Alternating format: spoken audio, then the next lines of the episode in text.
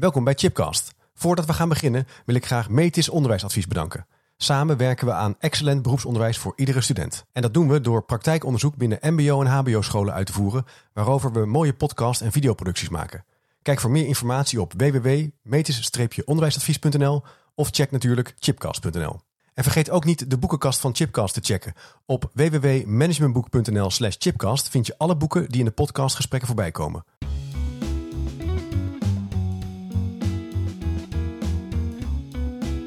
Welkom bij weer een nieuwe aflevering van Chipcast. Deze aflevering is onderdeel van het drieluik over de rol van de universiteit, waar wij, Hessel en ik, Frederike, aan mee hebben mogen werken.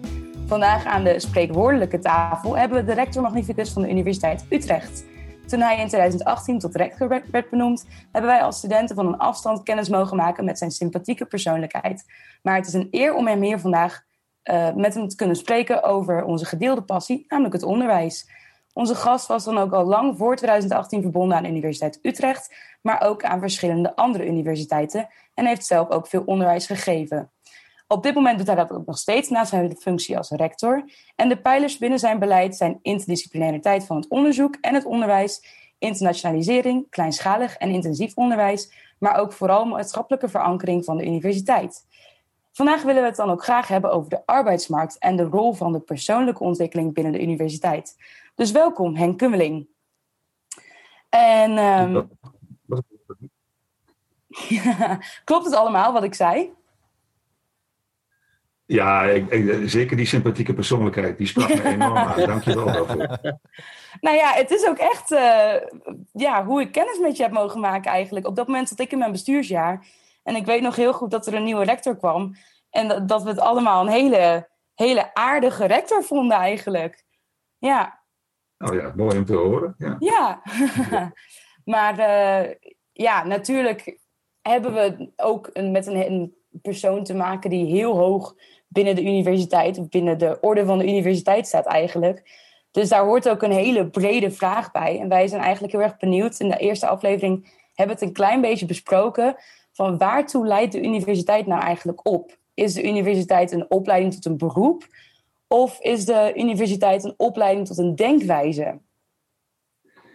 Ja, daar kan ik denk ik heel uh, direct in zijn. Dat gaat echt over het laatste. Uh, en denkwijze is misschien nog te algemeen in bepaalde opzichten. Het gaat bij ons echt om noem het maar, academische vorming. Het gaat om mensen bepaalde werkwijze aanleren, denkwijze aanleren, waardoor ze problemen op een bepaalde manier analyseren. In welke omstandigheid dan ook. En dus ook weten welke kennis ze nodig hebben of kennis moeten genereren om dit soort problemen op te lossen. En dat is eigenlijk in alle studies die we hebben, is dat, staat dat cruciaal. Dat heeft natuurlijk allerlei verschillende invalshoeken vanuit verschillende disciplines. Maar deze denkwijze, deze attitude, deze academische vorming, die staat eigenlijk wel centraal in alles wat we aan het doen zijn op de universiteit. Ja, ja. Maar voordat je begint, misschien als student, als je dan 18 bent. En, nou, ik begon in ieder geval misschien als student die niet helemaal door had wat die denkwijze dan was. En dan kies je toch eigenlijk een studie bij mij stond dan in de studiegids heel mooi dat onderwijswetenschappen zo'n enorm hoog procent heeft aan studenten of percentage heeft aan studenten wat dan binnen een jaar een baan vindt op niveau of uh, de baankans en het bruto startsalaris.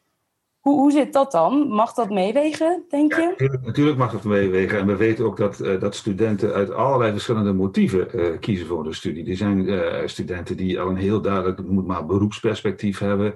Je ziet dat bij studies als geneeskunde, diergeneeskunde, mensen die de lerarenopleidingen doen. Nou ja, die, die hebben een beeld van, nou, dat wil ik later worden. Maar er zijn er ook genoeg die nog geen idee hebben van, van wat ze straks willen gaan doen. neem eens het voorbeeld van, van mijn, mijn eigen studie. ik had trouwens wel een idee, maar heel veel mensen die rechten hebben gestudeerd, die, ja, die beginnen daarna met het idee van, nou ja, het is een mooie universitaire studie, je kunt er alle kanten mee op en je kunt advocaat worden en rechter en, en meer van dat soort zaken. En, maar die hebben dan nog niet een heel duidelijk beeld van, van wat, wat ze zouden gaan doen. En, en dat is ook vaak wel een misverstand wat de, de buitenwereld heeft, ook de Haagse buitenwereld, dat, dat wij als universiteiten tot taak zouden hebben om mensen ook voor bepaalde beroepen op te leiden. Dat doen wij niet. Uh, we, hebben, we, we, we, bereiden mensen voor op een bepaalde beroepssituatie wellicht, maar in de praktijk, met allerlei vervolgopleidingen, zullen ze zich echt wel moeten bekwamen in een bepaald beroep. Bijvoorbeeld bij mijn rechtenstudie, je wordt geen advocaat met, of, of geen rechter. Je zult daarna heel veel nog praktijkstudie moeten doen of een vervolgopleiding doen. Dat geldt trouwens ook voor de artsopleiding. Hè? Dat is alleen maar een basisartsopleiding die je krijgt. En als je echt in de praktijk aan de slag wilt, dan zul je dus ook nog een opleiding moeten doen. Dus dat is een beetje uh, het grote verschil. Sommige mensen hebben dat specifieke beroepsperspectief, anderen hebben dat helemaal niet. En soms hebben ook een heel verkeerd eh, perspectief van wat ze uh, zouden kunnen gaan doen met een opleiding. Um, en daarom hebben we ook jaren geleden al die matchingsdagen ingevoerd, zodat mensen die denken van ja, economie is misschien wel iets voor mij, maar die dan met de matching werken, oh potverdorie, dat is toch allemaal heel veel wiskunde wat ik moet gaan doen. En eigenlijk zit ik meer aan maatschappelijke vraagstukken te denken die ik op zou willen lossen. Nou ja, dat helpt in ieder geval nadrukkelijk ook. En, en, ik moet en dat, dat vind ik echt heel spijtig. Um, al, die andere, al die redenen zijn natuurlijk legitiem om die keuzes te maken. Heel goed. Zelfs mensen weten hoe ze tot een studie komen. Maar wat ik wel heel jammer vind, is dat we toch heel veel studenten krijgen op de universiteit. Die als het ware door hun omgeving gepusht worden om naar de universiteit te gaan.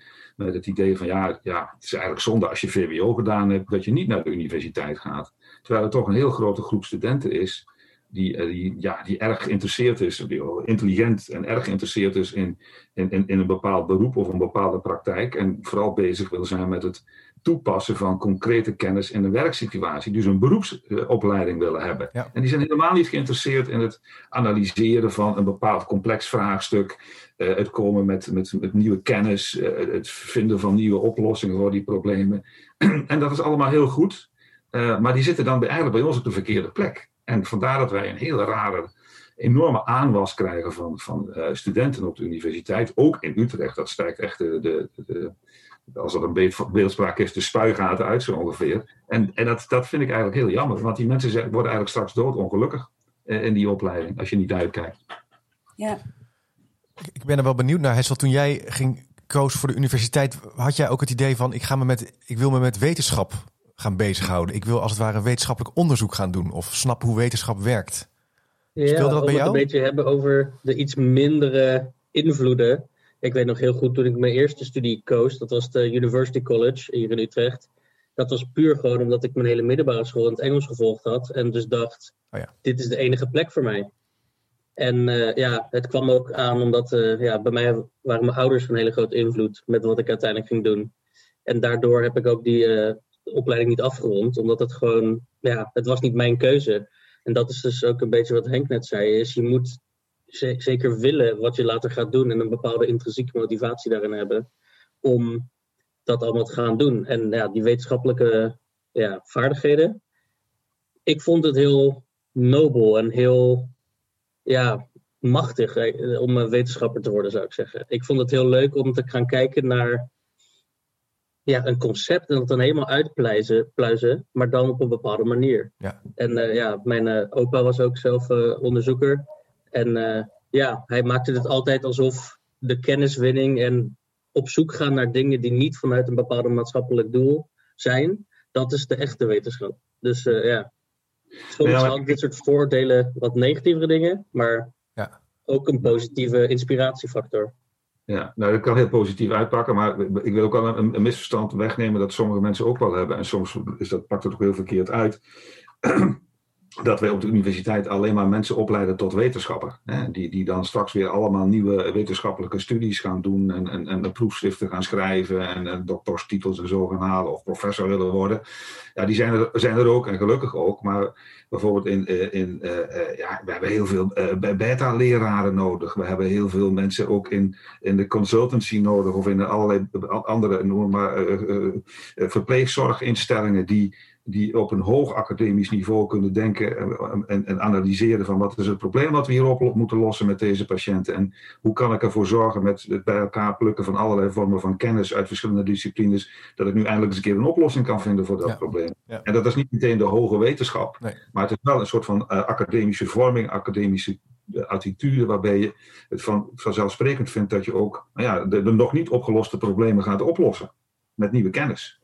Mooi. Ja, en dat is misschien ook wel dat stukje interdisciplinariteit die, uh, die ik net al even noemde in de introductie. Waar jij dan, Henk, eigenlijk best wel voor staat. Ja, nee, maar dat is, dat, ik vind het echt een hele belangrijke uh, winstpunt van de, van de afgelopen jaren. Daar heb ik zelf heel hard aan gewerkt. Ehm, het opzetten van allerlei interdisciplinair onderwijs, maar ook interdisciplinair onderzoek, omdat we weten dat nou ja, met, met de kennis vanuit een bepaalde discipline los je niet een, uh, met per definitie het probleem op. Hè? Uh, en ook, weer terugvallend naar mijn eigen vakgebied. Ik, ik, heb, ik heb een, ook een, een, een, in het kader van het ons onderwijs heb ik altijd een seminar en dat gaat over public order and security. En dan vraag ik allerlei studenten uit allerlei disciplines en dat varieert van filosofie tot en met de harde farmacie, mensen van geneeskunde, maar ook sociologen, om met mij mee te denken over allerlei vragen die te maken hebben met uh, openbare ordevraagstukken en veiligheid. Van, om te analyseren van waar, hoe, hoe, uh, waar zit het probleem en hoe los je bepaalde zaken nou op. bijvoorbeeld iets als wat we ook in Utrecht hebben, bepaalde probleemwijken. Ja, problemen die daar zitten, die los je niet op door bij wijze van spreken alleen maar de politie erin te jagen met law and order maatregelen waar de juristen aan mee komen. Maar je moet gaan kijken hoe zit het zit het met gezinssituaties? Hoe zit het met de opvoeding daar? Hoe zit het met de economische positie van mensen? Wat kunnen we doen om ze te helpen in bepaalde zaken? Dus je, eh, ik, ik, leer studenten ook in deze cursussen altijd van nou, eh, wat de grenzen zijn van je eigen discipline, de grenzen van je eigen kunnen en, en, en weten. En, en, waar je de hulp van anderen nodig hebt om, om verder te kunnen komen. Om daadwerkelijk het grotere maatschappelijke probleem tot een oplossing te brengen. En, en daarom is zeg maar die, die interdisciplinariteit is, is uh, ja, denk ik heel belangrijk. En het mooie is dat we ook zien dat, dat uh, in toenemende mate ook studenten gebruik maken van de mogelijkheden bij ons om allerlei cursussen te doen uh, in hun profileringsruimte, ook in de bachelor al, buiten hun eigen opleiding. Ja. En, en dat, ja, dat is, dat, is, dat is mooi om te zien. En, en ik denk dat we daar de samenleving ook erg mee helpen. Ja, ja leuk. Ja, want we, Hessel en ik hebben het dan ook even over onze studiekeuze gehad. Eigenlijk binnen de opleiding of binnen de studie. En toen hadden we het ook over van waarom hebben wij nou echt voor bepaalde cursussen gekozen? Was dat dan met het idee van ik wil me verbreden? Of was het met het idee van ik ga toch kiezen voor iets wat mij misschien wel meer aan een baan helpt of, of naar een bepaalde master toe leidt? Nou, toen kwamen we eigenlijk wel met, met ideeën van uh, coaching en training, wat wij bijvoorbeeld allebei een hele leuke cursus hebben gevonden. Uh, ik heb dat bijvoorbeeld gekozen in mijn vierde jaar, omdat ik dacht, ja, misschien toch wel handig om een keer mee in aanraking te komen. Maar in datzelfde vierde jaar heb ik Italiaans gehad, om, uh, omdat ik dacht, ja, ik heb ruimte over. ik wil een, een leuk vak doen, laat ik even Italiaans proberen. En dat vond ik eigenlijk ook heel interessant, want toen kwam ik in contact met allerlei verschillende mensen met verschillende achtergronden die Italiaans kozen omdat ze uh, een stage gingen doen in het buitenland. Of gewoon omdat ze op vakantie wilden. Of een Italiaanse relatie hadden of zoiets. Maar dat, ik vind persoonlijk wel echt de charme van de universiteit. Dat je dus zo breed kunt inzetten. En ja, kijk, of dat nou de beste keuze is geweest om Italiaans te kiezen voor mijn verdere carrière, weet ik niet. Maar het, is, het was wel een hele leuke ervaring. Maar, maar, dat, maar, ja, maar dat is, ik vind het een interessante vraag. En tegelijkertijd is het de vraag: eh, eh, is, is, is, die, is het wel zo relevant, die vraag? Is het, als dat voor jou een belangrijk iets is van: ja, ik wil direct na mijn, na mijn studie wil ik in mijn droombaan stappen. En je hebt er zelfs een heel duidelijk beeld van wat die droombaan is. Ja, dan ga je natuurlijk voorsorteren op alles wat kan helpen om die droombaan te organiseren. Ja. Uh, uh, maar tegelijkertijd is het ook mijn ervaring, en denk ik ook de ervaring van velen, dat datgene wat jij gedaan hebt, dus breder kiezen en ook andere dingen doen die je nog niet gedaan had, die helemaal misschien wel buiten je eigen opleiding liggen, dat is een enorm verrijkende ervaring. En wie weet word jij straks de, de, pedagoog die met name de, de, de, lastige problemen met Italiaanse kinderen moet gaan oppakken, weet ik veel. Dat, dat, dat zijn allemaal dingen die, die gebeuren. En ik vind het ook wel uh, van belang om, en dat zeg ik ook op meerdere plekken, uh, zelfs, mijn, zelfs mijn collega van Harvard, jullie weten, Harvard is net zo oud als Utrecht, 1636, die zegt altijd van, uh, ja, maar wij leiden niet op voor die eerste baan, wij, wij leiden ook voor de vierde, vijfde, zesde baan. Voor, voor, voor, ook voor de rest van hun, uh, van, het, van noem het, maar, het, het, leven en het werkende leven van die studenten. En alles wat we te bieden hebben, kan helpen om nou ja, je toe te rusten voor uh, ja, die volgende functie of die volgende situatie. En ja, ik, ik vind eigenlijk, maar dat, ik, ik, krijg ook wel eens te horen van ja, dat is wel heel romantisch gedacht, maar volgens mij is dat nog steeds heel erg bepalend. In de studie ook, volg je belangstelling, volg je interesses. Ga nou niet die dingen doen waarvan anderen vinden dat je ze zou moeten doen. Want tien tegen één dat je daar ongelukkig van wordt. En tien tegen één ook weer dat van de dingen die je wel interessant vindt en die je belangstelling hebben. Ja, daar, daar ga je later in de, in de samenleving dingen doen ja, die jij de moeite waard vindt. En, en die helpen je daarbij in de meeste gevallen. Zou je ook de, dus de universiteit kunnen zien als een leeromgeving? Hè? Dus een, een, een, waar je dus ervaringen meemaakt, waar je kan verdiepen. Dan kan je helemaal losgaan op, uh, op natuurkunde of op wiskunde. Of je kan zeggen, ik ga dus aanpalende verkenningen doen. Um, maar dat is ook een vorm van nieuwsgierigheid. En de een zal inderdaad zeggen van, ja, dat leidt... Want ik wil heel graag pedagoog worden. Over vijf jaar wil ik gewoon in de klas kinderen helpen. De ander zegt, ja, ik wil eigenlijk wel onderzoek gaan doen. Stiekem zou ik het wel spannend vinden. En ik wil uh, misschien wel een proefschrift schrijven. Dus voor de een maar dat kan allemaal, ja. ja. Dat kan allemaal. En, en, en het mooie vind ik zelf uh, dat we in de universiteit ruimte bieden en willen bieden ook om dat, uh, uh, die interesses te ontwikkelen en te verkennen ook met jezelf. Want dat is namelijk de ontwikkeling die je kunt maken. Van ja, wat heeft mijn echte interesse nu? Ik, ik heb in mijn eigen studie ook gemerkt van ja, eigenlijk ben ik gaandeweg heel erg naar de richting gegaan van dat ik het heel interessant vond, vond om aan de universiteit te werken, om te doseren, maar ook om dat onderzoek te doen. Oké, maar dat is dus het pad wat ik nu, terwijl ik met de rechtenstudie begon, denk ik van ja, misschien word ik wel advocaat of, of rechter of, of wat dan ook. Ik, ik had er wel een belangstelling voor dat recht en met name vanuit het oogpunt van ja, wie is er eigenlijk de baas over mij en wie heeft de, kan de macht uitoefenen en mij vertellen dat ik iets moet gaan doen.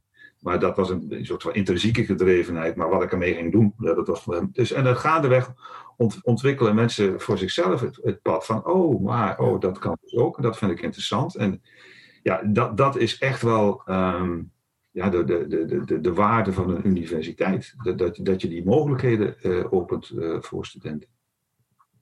Voelen jullie, voelen jullie dat ook zo? Um, hè, want we hebben het in de vorige podcast het ook wel gehad over de druk die er soms zit op studenten. Hè, om om te, ja, door te gaan. Je moet soms geld lenen. De, um, bijbaantjes. Je wil volledig genieten van het studentenleven.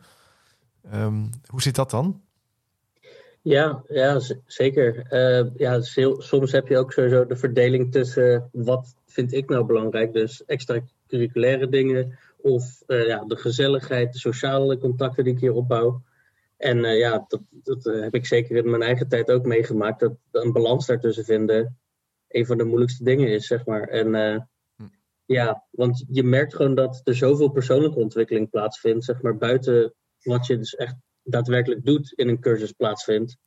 En dat is gewoon soms nog interessanter. En dat is het voorbeeld wat Frederik net gebruikte, coaching en training. Bij mij was dat het geval ik merkte dat met mensen bezig zijn en met hun interesses, hun denkwijze, hun leerproces proces maximaliseren, dat dat mij meer aantrok. En dat is dus zo'n keuze die ontwikkeld is door iets wat ik koos, omdat ik me wilde verbreden. En ja. eigenlijk meer deed omdat ik het leuk vond.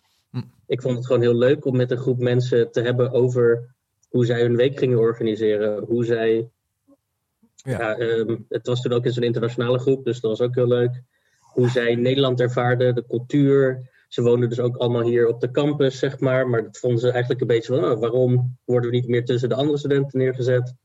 Allemaal vraagstukken waar ik zelf niet, toen ik dat vak uh, ja, uh, ging volgen, dacht dat ik zou uh, aanpakken. Hmm.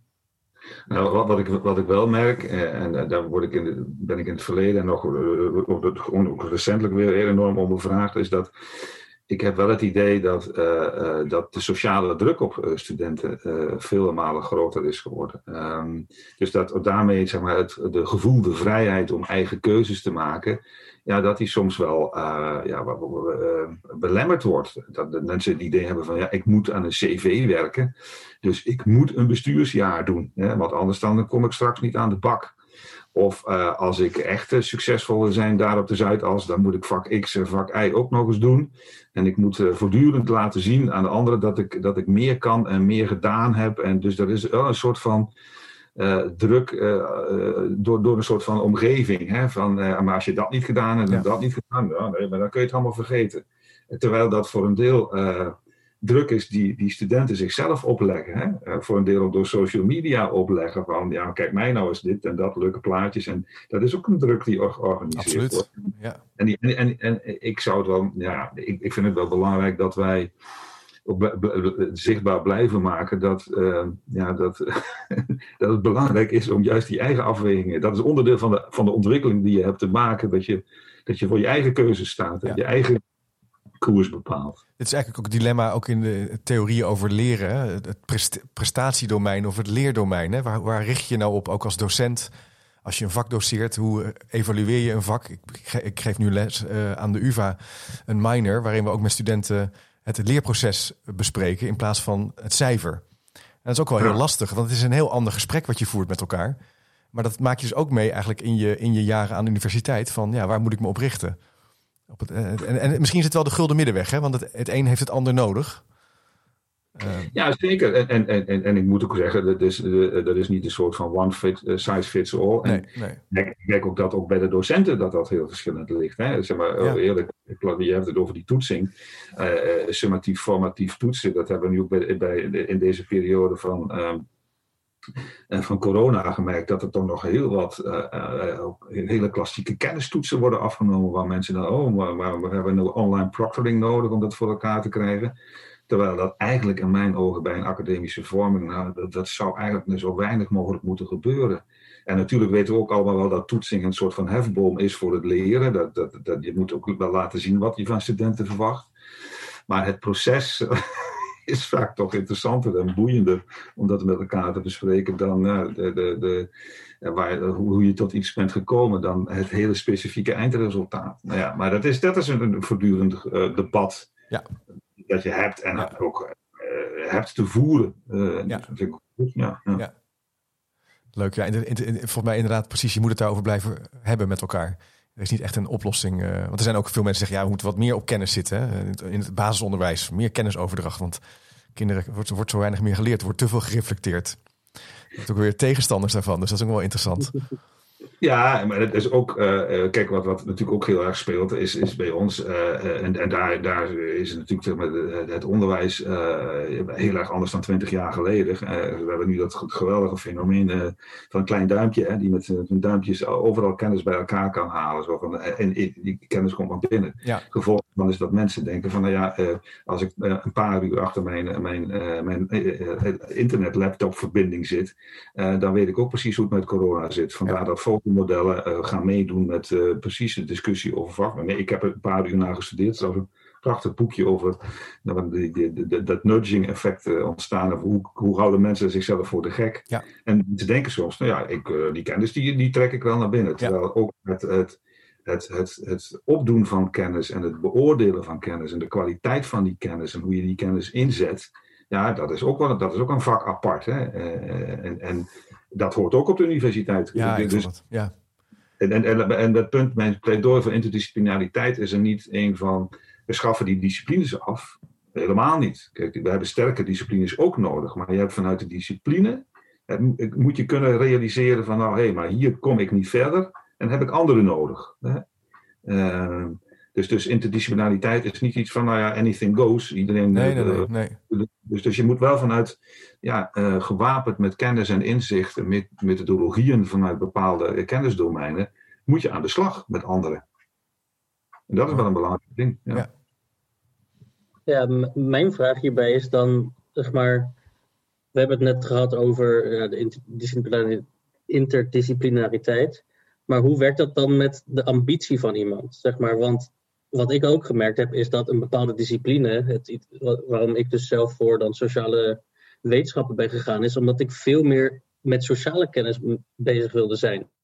Met het idee van dat mensen kennis hebben en mensen kennis willen delen vanuit zichzelf, ambitie hebben om dingen te doen en daarmee omgaan. Maar ja, mijn vraag daarbij is dus meer, als je dan te breed gaat voor de interdisciplinariteit, wat doet dat dan met de individuele motivatie van de leerling? Van de student?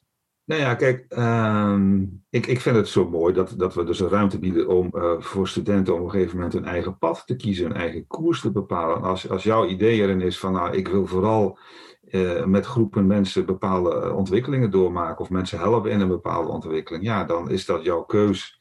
En als je op een gegeven moment, uh, dat heb ik ook bij de hand, als je op een gegeven moment merkt van ja, maar ik, ik kom nu niet verder omdat ik bijvoorbeeld tegen de grenzen aan van regelgeving aanloop. Ja, dan is het toch wel handig om die cursus recht te hebben gehad om te kunnen begrijpen hoe zit het dan en waar zitten dan de marges. Hè? als, we hebben nu ook uh, bijvoorbeeld dat bij de leraaropleiding speelt dat fantastisch. Laatst sprak ik een docent en die heeft er ook zo'n prachtige prijs voor gewonnen. Die, um, die in, in, in, in de klas um, jonge leerlingen vroeg van... zeg, nou, zeg nou maar eens even hoe je thuis goeiedag tegen mij zegt. Hè? Dus, en dat was in het Arabisch. En uh, die merkte toen van dat, dat ze op, op, opeens zo'n connectie kon krijgen met een aantal van die kinderen. Mm. Dat oké, maar ik, ik moet nu ook wel wat meer Arabisch leren, omdat ik ze dan gemakkelijk via hun eigen taal die ze thuis spreken binnen kan trekken in de lessituatie. En dan kunnen ze ook veel meer, zijn ze meer bereid om die connectie met mij te maken, met de rest van de groep te maken. En dan heb ik ze, ja, er, er zitten allerlei psychologische dingen zitten eraan, met taalvaardigheid zit eraan vast. En dan zie je dus ook dat vanuit een, bepaald, van, vanuit een bepaalde positie, vanuit een bepaalde discipline, je, je kunt onderkennen van hé, hey, maar ik heb dat andere ook nodig. Om vanuit mijn eigen werk, wat ik zo belangrijk vind, om met die groepen studenten of met die groep leerlingen aan de slag te gaan, om verder te kunnen komen. Ja, en, en dat, is, dat, dat vind ik ook een van de, van de, van de dingen die we als universiteiten hebben uh, te doen. Van, ja, mensen bewust maken van het feit dat ze die grenzen soms moeten opzoeken. En dat over die grenzen heen gaan helpt om, om zelf beter te kunnen functioneren in hun eigen belangstellingsgebied. Het zijn, bij, ja, zijn bijna natuurlijke verbredingen die je dan organiseert. En, en, en, het een is niet beter dan het andere. Ja, als, als mensen het prettig vinden om. Uh, maar bijvoorbeeld eh, ook in, in advocatuur hè, ik, ik, heb, en in de rechtspraak. Ik heb, uh, voordat ik rector werd, heb ik een hele rondgang gemaakt door alle rechtbanken in Nederland. Uh, om te kijken van hoe de stand van zaken is, hoe het loopt, de kwaliteit die ze kunnen leveren en dat soort zaken. En wat blijkt nu? Heel veel van die rechters zeggen: van, ja, ik moet eigenlijk veel meer weten van economie. Ik moet veel meer weten van sociale psychologie. Ik moet veel meer weten van nou. En dan zie je dus ook dat uh, om een vak goed te kunnen doen, om met die, met die, uh, met die, met die beklaagde en die beklaagdebank om te kunnen gaan, om te begrijpen wat daarachter zit, hè, hoe bepaalde sociale structuren in elkaar zitten. Dus. Um, je, je, je, je, merkt dan ook dat ook vanuit de, de, de praktijk de, de vraag erin is van ik wil meer en ik moet meer kunnen begrijpen om mijn, mijn goed te kunnen doen. Ja, ik vind het heel herkenbaar. Ik heb toevallig vorige week bij de Universiteit van Amsterdam een podcast opgenomen over de effecten van de coronacrisis op het onderwijssysteem. En op de leerachterstanden, hoe, voor zover dat een goed woord is. Maar daar was het ook heel interessant om niet alleen met uh, wetenschappers te spreken die echt over didactiek en over kennis veel weten in het schoolsysteem. Maar ook pedagogen, ook jeugdzorg. Er zaten dus verschillende wetenschappers bij. En we merkten ook toen in dat gesprek dat er een enorme verscherping plaatsvindt op het vraagstuk. En ook op de onderzoekslijnen die er dan ontstaan. Die eigenlijk, uh, voor je het weet, vergeten. Dus het is ontzettend belangrijk om die ongewone verbindingen ook meer op te zoeken. En ik denk dat dat wel een heel interessant thema is, uh, ook voor de aankomende jaren, om, uh, om verder kracht bij te zetten. Ook als het gaat over onderzoek. Hè? Daar, daar zou je dus ook heel prachtig onderzoek naar kunnen doen. Ja, dat gebeurt ook al, maar ja. Ja, wat, wat ik geweldig vind, echt, daar word ik altijd woest enthousiast over. We hebben een alliantie gemaakt met Eindhoven en Wageningen en samen met ons medisch uh, centrum, hè, MCU. En uh, wat we gedaan hebben is ook, daar, heb ik een, een, een, een, redelijke rol in vervuld, hebben uh, onderzoekers, jonge onderzoekers, hebben we bij elkaar gehaald uit allerlei disciplines van de, universiteiten. En gezegd van nou, ga nou eens bij elkaar zitten en ga nou eens uh, problemen op de tafel leggen die je in je eentje nooit uh, goed zou kunnen analyseren, maar ook in je eentje nooit zou kunnen oplossen. super, ja. ja. Uh, en dus, en, en dat, dat heeft ertoe geleid dat die aanvankelijk keken ze elkaar aan van wat, wat, wat heeft die rector nou weer voor gekkigheid bedacht. En, en dat is anderhalf, twee jaar geleden is dat begonnen, voor corona was dat nog. En nu uh, zijn die mensen zo woest enthousiast. Die hebben een, een Center for Unusual Collaborations uh, opgericht. Uh, waar ze allerlei kleine, grote onderzoekjes met elkaar. op hele belangrijke vraagstukken. als bijvoorbeeld pijnbeleving. aan het bekijken zijn. En dan blijkt dus dat de mensen van de geesteswetenschappen. dat die heel veel belangrijke kennis hebben. Uh, om vraagstukken rondom pijnbeleving van, uh, te kunnen analyseren en daar oplossingen voor te bedenken. Het feit dat, dat je met behulp van muziek mensen daadwerkelijk pijnreductie kunt bezorgen, of door middel van taaldingen. De, Dat wisten sommige geneeskundigen, wisten daar nee. niet. Dus zo zijn er allemaal van die verbindingen ontstaan. Denk, oh, oké. En als je die mensen dan met elkaar hoort praten, denk, en, en daar spat dan de energie van af. En die hebben nu ook een klein gebouwtje bij ons op de campus gekregen. Nou ja, dat is prachtig om te zien. Dat is prachtig. en dat die, dat, die, dat die verbindingen tot stand komen. En dat ze dus ook zien dat ze daar meer van mee, mee kunnen. Je kan er meer mee. Wat, ook, wat ik ook heel interessant aan vind, is dat je daardoor ook onderzoek kan gaan vormgeven. Wat ook heel dicht ligt bij je eigen interesse.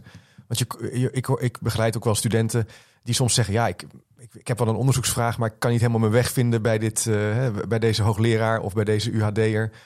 Terwijl het ook zo leuk is als studenten zelfstandig vragen. Hè, dat is eigenlijk ook wat je natuurlijk wil, helemaal in, het laatste jaar. Um, dat je je eigen nieuwsgierigheid op een, op een gedisciplineerde en gestructureerde manier kan onderzoeken en daar mooie hypotheses voor kan formuleren. Ik weet niet hoe jullie dat, of jullie dat herkennen, Frederike en Hessel. De, dat onderzoek ook een heel praktijkgericht kan zijn, heel betekenisvol kan zijn in plaats van een stoffige activiteit of een moeilijke activiteit. Want dat wordt ook, zo wordt het ook wel gezien door studenten.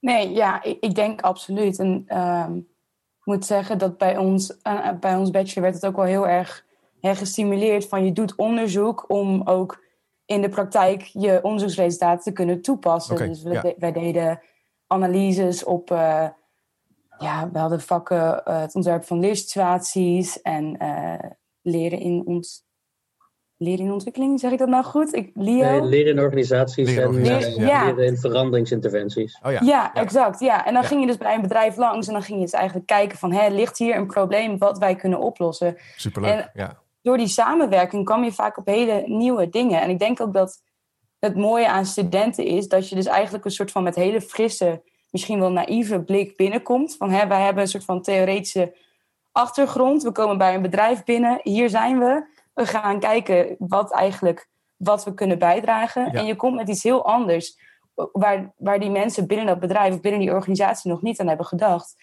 Omdat zij al jarenlang vaak hetzelfde doen of, of in, in die sfeer zitten. En, dat, vind ik, dat vind ik iets heel moois, dat je op die manier kunt bijdragen. Mooi. En ehm, ja, ik denk ook dat op die manier ook heel veel maatschappelijke vraagstukken, dat dat ook echt een, een leuke en een goede plek moet krijgen in het onderwijs. Ik vind dat zelf heel interessant. Ja. Misschien wel een aardig voorbeeld. Uh, er is onlangs uh, zijn er allerlei grote docentenprijzen uitgereikt op landelijk niveau. En een van de dingen die wij binnen hebben gehaald is van de, de Urban, Urban Future Studio. En dat zijn mensen die vooral bezig zijn in het kader van duurzaamheid, sustainability. En wat die gedaan hebben, dat vond ik fantastisch om te zien. Daar hebben ze gewoon studenten gevraagd om. Ehm, uh, met allerlei mensen in de praktijk, beleidsmedewerkers, uh, mensen die in uh, allerlei dingen in, ook, ook, op ministeries, maar ook in, in de gemeente zo doen, mee te lopen en te kijken van wat, wat er nou precies gebeurt in de praktijk, welke dilemma's er tegenaan lopen. En, en, en dus, dus zij leerden vanuit de praktijk wat de problemen waren en omgekeerd uh, hebben ze het aanbod gedaan aan al die mensen in de praktijk. Van wij gaan nu wetenschappelijke analyses erop loslaten. En we gaan kijken van hoe we jullie verder kunnen helpen. Om uh, daadwerkelijk de concrete maatregelen in bepaalde terreinen te nemen. En dan zie je dus een hele, hele duidelijke wisselwerking tussen, tussen onderzoek en praktijk. Uh, waarbij het onderzoek echt de praktijk uh, verder helpt. En wat je dan ook ziet, is dat daarmee noem het maar, de, de, de rol van de universiteit in de samenleving voor heel veel mensen veel concreter wordt. Hè? Van oké, waar, waarom hebben we, die, we hebben die lui daar zitten in die gebouwen daar op de campus? Dit allemaal ingewikkeld te doen. En, en ik, iedere week loop ik nog tegen de metafoor van de Ivoren Toren aan. Hè? Mensen zeggen, ah, de universiteit, ja, die weet niet. Maar, maar dus, dus, dat, is, dat is echt al een. Die, die Ivoren Toren is al lange ruïne. Uh, dat, maar dat we heel erg bezig zijn in die, in die, met de praktijk om die maatschappelijke problemen op te lossen en te analyseren. En ja, dat zijn dus heel mooie voorbeelden waarbij dat heel concreet wordt gemaakt. Mooi. Ja, ja heel mooi. Ja. Ja, en ik, ik merk ook wel dat als je dan vanuit de universiteit bezig gaat met zo'n maatschappelijk vraagstuk, of je mag het zelf zelf kiezen, of er wordt aan jou gevraagd van hè, zoek een casus uit en, ga er eens over nadenken, dan voedt dat het ook wel een soort van de nieuwsgierigheid en, en de autonomie van de student. En ik denk dat dat echt een heel, hele mooie kans is voor heel veel mensen. Om dus ook te onderzoeken van nou, waar, waar ligt nou mijn passie en, en wat kan ik nou eigenlijk betekenen? En dat het wel heel goed werkt ook voor heel veel studenten. Ja, en, en we hebben nu vooral ook, en dat is denk ik echt wel een heel belangrijke ontwikkeling van de afgelopen jaren. Misschien komen we er verder nog op, de ontwikkeling van open science, hè, waarbij we veel meer de bewust, bewust zijn van het feit dat wij in de samenleving staan, er voor de samenleving op willen zijn. En dus onze, ons onderzoek terug willen geven aan de samenleving, maar ook de problemen van de samenleving als de agenda laten bepalen van het onderzoek. Maar tegelijkertijd willen we ook ruime, ruimte bieden aan mensen die gefascineerd zijn en blijven bij, naar de studie van zwarte gaten. En, en, en, waarvan in ieder geval uh, op het eerste gezicht de maatschappelijke uh, relevantie nog niet zo geweldig groot is. Uh, behalve dat je mooie plaatjes in, in, in, kranten van krijgt en zo, mooie foto's. Maar dus dat, dat, dat, dat, dat, dat, dat onderzoek, waar, waar het heel fundamenteel is voor een deel, trouwens het maatschappelijk gericht kan ook fundamenteel zijn, hè? Dat, ja, dat, dat, willen we ook faciliteren. Die mensen hebben we ook nodig en die willen we ook ruimte bieden om dit soort dingen te doen. Ja, ja. Dus dat is dan eigenlijk misschien wel een soort van de, een hele goede boodschap die we vandaag eigenlijk hebben onderzocht. Uh, dat dus die maatschappij en die rol van de maatschappij in de samenleving dus eigenlijk misschien minder zichtbaar is, maar toch wel echt heel belangrijk is. En ook echt heel erg binnen de universiteit wel speelt. Ja, nou ja, en, en, en dat is ook zo. En tegelijkertijd vind ik het echt wel de opdracht van de universiteit en dat heeft dus echt wat met onze legitimiteit te maken, van uh, wat onze bestaansreden. Dat we nog veel duidelijker moeten maken dat we dat allemaal doen. Uh, het heeft voor een deel met financiering te maken. Uh, maar we begonnen het gesprek over arbeidsmarkt en arbeidsmarktoriëntatie, waar veel universiteitsbestuurders en ik zeker mij enorm aan geërgerd heb, wild aan geërgerd heb, wil ik best zeggen. Dat was een rapport van, van Rijn, wat enige tijd geleden verscheen. En dat ging vooral in eerste instantie over uh, de vraag hoe krijgen we meer beta-techniek student, omdat we, dat we ja, vinden dat we, we daar te grote tekorten hebben. Maar tegelijkertijd allerlei opmerkingen uh, worden gemaakt over het feit dat uh, uh, niet zichtbaar is waartoe de universiteit opleidt. Dus we kunnen, we kunnen niet traceren dat er één op één een relatie is tussen een opleiding en een beroep. En dan moet ik dus uitleggen, maar beste mensen, dat is ook onze ambitie niet. Dat is ook onze rol niet om één op één voor beroepen op te leiden. En zij zien dus bijvoorbeeld dat iemand die pedagogiek heeft gestudeerd en die dan vervolgens leiding gaat geven aan de universiteit, die is in het ogen van de commissie van Rijn ja, verkeerd terechtgekomen. Dan heeft die opleiding heeft niet datgene te bewerkstelligen. Nou, en hetzelfde geldt voor eigenlijk misschien wel een minister-president die geschiedenis heeft gestudeerd en die gaat een land leiden. Ja, heb je daar nog geschiedenis voor gestudeerd? Dus dat vind ik zo'n kortzichtig uh, denken. En dus ook heel, heel moet maar een hele nauwe opvatting over het maatschappelijk nut van datgene wat de universiteit doet. Namelijk één op één voor bepaalde beroepen opleiden. Maar de maatschappelijke verantwoordelijkheid, het maatschappelijk nut van de universiteit is vele malen groter en ruimer dan, dan dat ene vraagstuk. Ja. ja. Nou ja, en daar kan ik dus, kan ik dus als bestuurder soms uh, echt druk over maken. Mm. Ja. ja, wat ik me dan een beetje afvraag is, is er een limiet tot het aantal mensen wat dan of een percentage van de, de mensen die dan universiteit hoort te doen. Of In Nederland bedoel je? Het, ja, want hoe, hoe, ik er een beetje naar kijk, is dat onderwijs een grote gelijktrekker is. In de hele wereld, om het zo te zeggen, in een internationaal perspectief. Maar als je het hebt over bepaalde beroepen, die moeten toch gevuld worden. We hebben mensen nodig die alles kunnen doen, maar ook daadwerkelijk alleen dat ene doen. Ja, ja kijk, eh, daar, daar durf ik geen heel erg harde eh, uitspraken over te doen. Eh, wat, wat we zien is inderdaad dat er tekorten ontstonden in de hoek van de beta-techniek. Maar de vraag is er wel steeds één geweest van hebben wij nou wetenschappers nodig op dat terrein? Of ging het nou om hooggekwalificeerde beta-studenten in het hbo? van, en en die analyse is ook nog steeds niet heel erg goed gemaakt. Um, en ja, de, de, andere kant van het verhaal is dat, dat eigenlijk al onze studenten, op een enkele uitzondering na, maar eigenlijk vanuit iedere studie dan ook, mensen komen goed terecht eh, in, in, in, in, de, in, de samenleving, hebben meestal interessante banen waar ze, waar ze uh, tevreden over zijn. Dat merken we ook uit al onze alumni-enquêtes die wij ieder jaar weer houden. En ehm, ja, en, en dat is toch ook een heel belangrijk iets, hè? Dat, je, dat je mensen opleidt die uh, hun weg vinden in de samenleving en daar de samenleving ook tot nut zijn. En ja, uh, soms hebben we tekorten waar we misschien gericht wat oplossingen voor, voor moeten bieden. Ja. Uh, maar we merken ook vaak dat we, als we dat dan gaan doen, dat we dan ook binnen no time overschotten organiseren. Dus we hebben een tijdje geleden de, de, de sluizen verder opengezet voor geneeskunde. Ja, nu zit er in bepaalde domeinen van de geneeskunde zit er een enorme overschot. Dus je moet ook kijken van hoe, hoe, hoe dat een beetje... Ja, ik vind hier ook nog wel het punt interessant. Uh, het idee van een leven lang leren. Ja. Dus je, je, daar heb je... Ik, toevallig laatst sprak ik een, uh, een verpleegkundige mbo, hbo. Een paar jaar gewerkt op de IC. En die gaat nu een hbo-master doen. Dus die, die, die, en, dan, en, dat, en die hbo-master werkt weer samen met een universiteit. Dus het is niet een volledige wetenschappelijke master. Maar je bent daarin wel, kom je in aanraking met wetenschappelijk onderzoek. Je bouwt als het ware door vanuit je praktijkervaring. Uh, terwijl ja, als je VWO hebt gedaan en je zegt ja, ik wil filosofie studeren, kan je zeggen, hey, ik pak op die manier. En dan kan je zeggen, ik word daarna leraar, ik ga de lerarenopleiding doen. En misschien word ik wel schoolleider en dan ga ik een schoolleidersmaster doen. Dus zo kan je natuurlijk ook nog kijken dat je dat als het ware het vanuit het gelijk trekken, Hessel. Um, Het zijn momentopnamen, maar er zit natuurlijk ook een hele lange route in die je als, als mens kan doorlopen. Nou, wat Chip inbrengt is denk ik wel een, een belangrijke ontwikkeling van de afgelopen jaren. Um, zeg maar, we wisten altijd al van dat uh, uh, wij, uh, wij nooit klaar zijn met leren. Ik heb hier nog een boek nou, ergens in mijn boekenkast, dat heb ik gekregen toen ik afstudeerde. Dat is een sociologisch onderzoek en dat heeft als titel: Die hoeft nooit meer wat te leren. Oh, goede titel. dus, en dat is een onderzoek naar uh, het opgroeien van, uh, van arbeiderskinderen die dan naar de universiteit gaan en dan waar mensen van denken, ja, maar die heeft nu zoveel geleerd, die hoeft nooit meer te leren.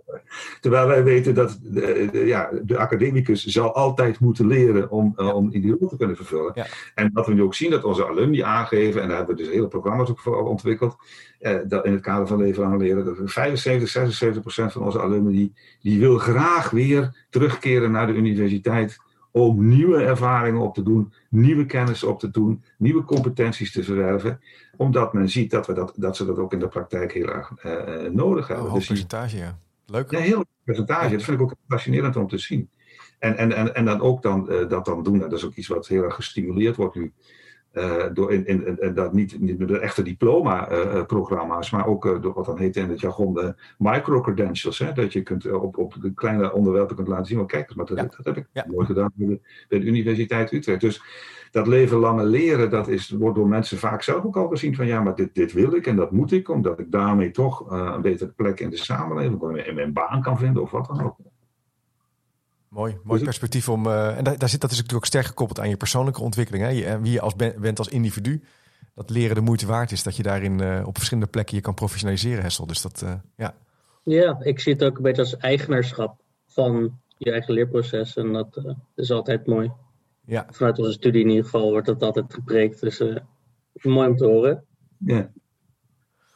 Ja, en mooi komt dat, dat, dat, want uh, dat is wel eh, iets nieuws voor de universiteit. Hè? Kijk, afgezien van de specifieke, noem het maar, beroepsopleidingen, waar altijd bijvoorbeeld bij diergeneeskunde, waar je weer de, de, de, nieuwste vormen van, van pillentoediening bij hamsters en zo kunt leren. in, in, dat, dat soort dingen. Maar wat nu toch echt wel gezien wordt, dat de universiteit in den brede daar de verantwoordelijkheid voor heeft. En zeg maar, tot, tot twee jaar geleden, zo, zo kort is het pas je hebt gezegd van, nou nee, maar de universiteit is echt wel voor bachelor, master en PhD. En, en de rest, dat moet zich maar uh, daarbuiten oplossen. En, en, dat, en dat moet dan ook maar de, moet maar de commerciële uh, onderwijsomgeving oplossen. En daar hebben wij gezegd van nee, uh, het is onze primaire verantwoordelijkheid om er ook voor te zorgen dat onze, onze studenten, alumni later eh, dat die weer terug kunnen keren. Eh, want we hebben een publieke taak. Hè? Het is voor de samenleving van belang dat die kennis er is. En dat laten we niet aan een of andere eh, Google-organisatie over. dat hebben wij te doen als publieke ja. instelling. En, en, overigens, Henk, een klein bruggetje, niet alleen voor volwassenen, maar ik weet, onze kinderen, de Science Week hè, voor kinderen in de zomer, kan je dus ook naar de Universiteit Utrecht. En dan kan je hele toffe dingen meemaken. Dus al, hè, daar zijn er wetenschappers met wie kinderen en jongeren kunnen optrekken een week. Ik heb dat vroeger ook nog gedaan uh, op een internationale school herinner ik toen ik klein was. Dat zijn ook wel onvergetelijke ervaringen. Dus de universiteit doet ook de deuren open voor al de jongeren. Ja, ik heb, ik, heb, ik heb dat een paar keer mogen doen. Ja, oh ja, oké. Okay. Op, die Science Week en uh, op, op internet kun je nog hele uh, bizarre plaatjes van mij zien. De vorige keer toen hebben we online gedaan. Uh, ik ga niet vertellen wat die plaatjes zijn, ze zoeken maar uit. Maar uh, ja, het is fantastisch om te zien uh, hoe, hoe, die kinderen dat dan leuk vinden. En ik ben ook al een, wel eens een keer op een, een, dag meegelopen dat, dat die kinderen in een, in, in, in een nep MRI-scan gaan en ja, allerlei ja, ja. doen en dat soort Ja, dus, dat, dat is ook wel tof, ja. ja. Ja, dat is fantastisch, ja. Leuk. Dus, dus eigenlijk is de universiteit gewoon een plek voor, voor iedereen. En voor de hele maatschappij en de samenleving. Ja, Misschien maar, dat... Uh... Ja, maar, we, zien wel, en bij die Science Week bijvoorbeeld ook, dat wij delen van de samenleving nog niet bereiken. ja. uh, en en we, we, hebben ook in, in de Universiteit Utrecht, ik, we hebben, zoals jullie misschien weten, we hebben ook uh, ooit bedacht dat we één keer per jaar bij de, rondom de dias met alle hoogleraren op de fiets de stad ingaan, naar de basisscholen. Meet the Professor heet dat. En dan kom ik altijd in scholen in Kanaaleiland en Overvecht, hè, waar we heel veel uh, kinderen hebben van Marokkaanse, uh, Turkse achtergrond onder andere. En die zien we zeker niet, terwijl er hele slimme uh, jongens en meisjes tussen zitten. en net zo slim als de rest. Maar die zien we zeker niet allemaal terug in, op de universiteit. En, en dat heeft toch wel met, met, met bepaalde opvattingen te maken, culturele achterstanden. Uh, en, en, en daar hebben we dus ook, uh, daar zijn we ook heel erg mee bezig. Van hoe, hoe kunnen we ervoor zorgen dat we ook die kinderen, ook die leerlingen de kansen geven uh, die ze verdienen. En, dat, en dat zie ik ook als een maatschappelijke opdracht. Zeker, ja. ja. ja. Nou, een belangrijk, belangrijk punt. Ja. ja, zeker een uitdaging. Laten we hem dan daarmee met deze uitdaging, denk ik, en deze boodschap ook afronden voor vandaag. Heel erg bedankt voor dit enorme nou, interessante gesprek. En voor al je verhalen, Henk. Uh, enorm leuk om met je in, gesprek te gaan. Zeker weten. Ja. ja dankjewel, dankjewel. Ik, ik vond het ook uh, ontzettend leuk om te doen. Uh, dus nou ja, ik ben ook heel benieuwd van wat er uiteindelijk allemaal mee gedaan wordt en waar het allemaal terecht komt. Maar een boeiend gesprek, dank jullie wel daarvoor. Ja, top. Ik vind het vooral leuk om te weten dat mijn rector gewoon een heel tof persoon is om mee te praten.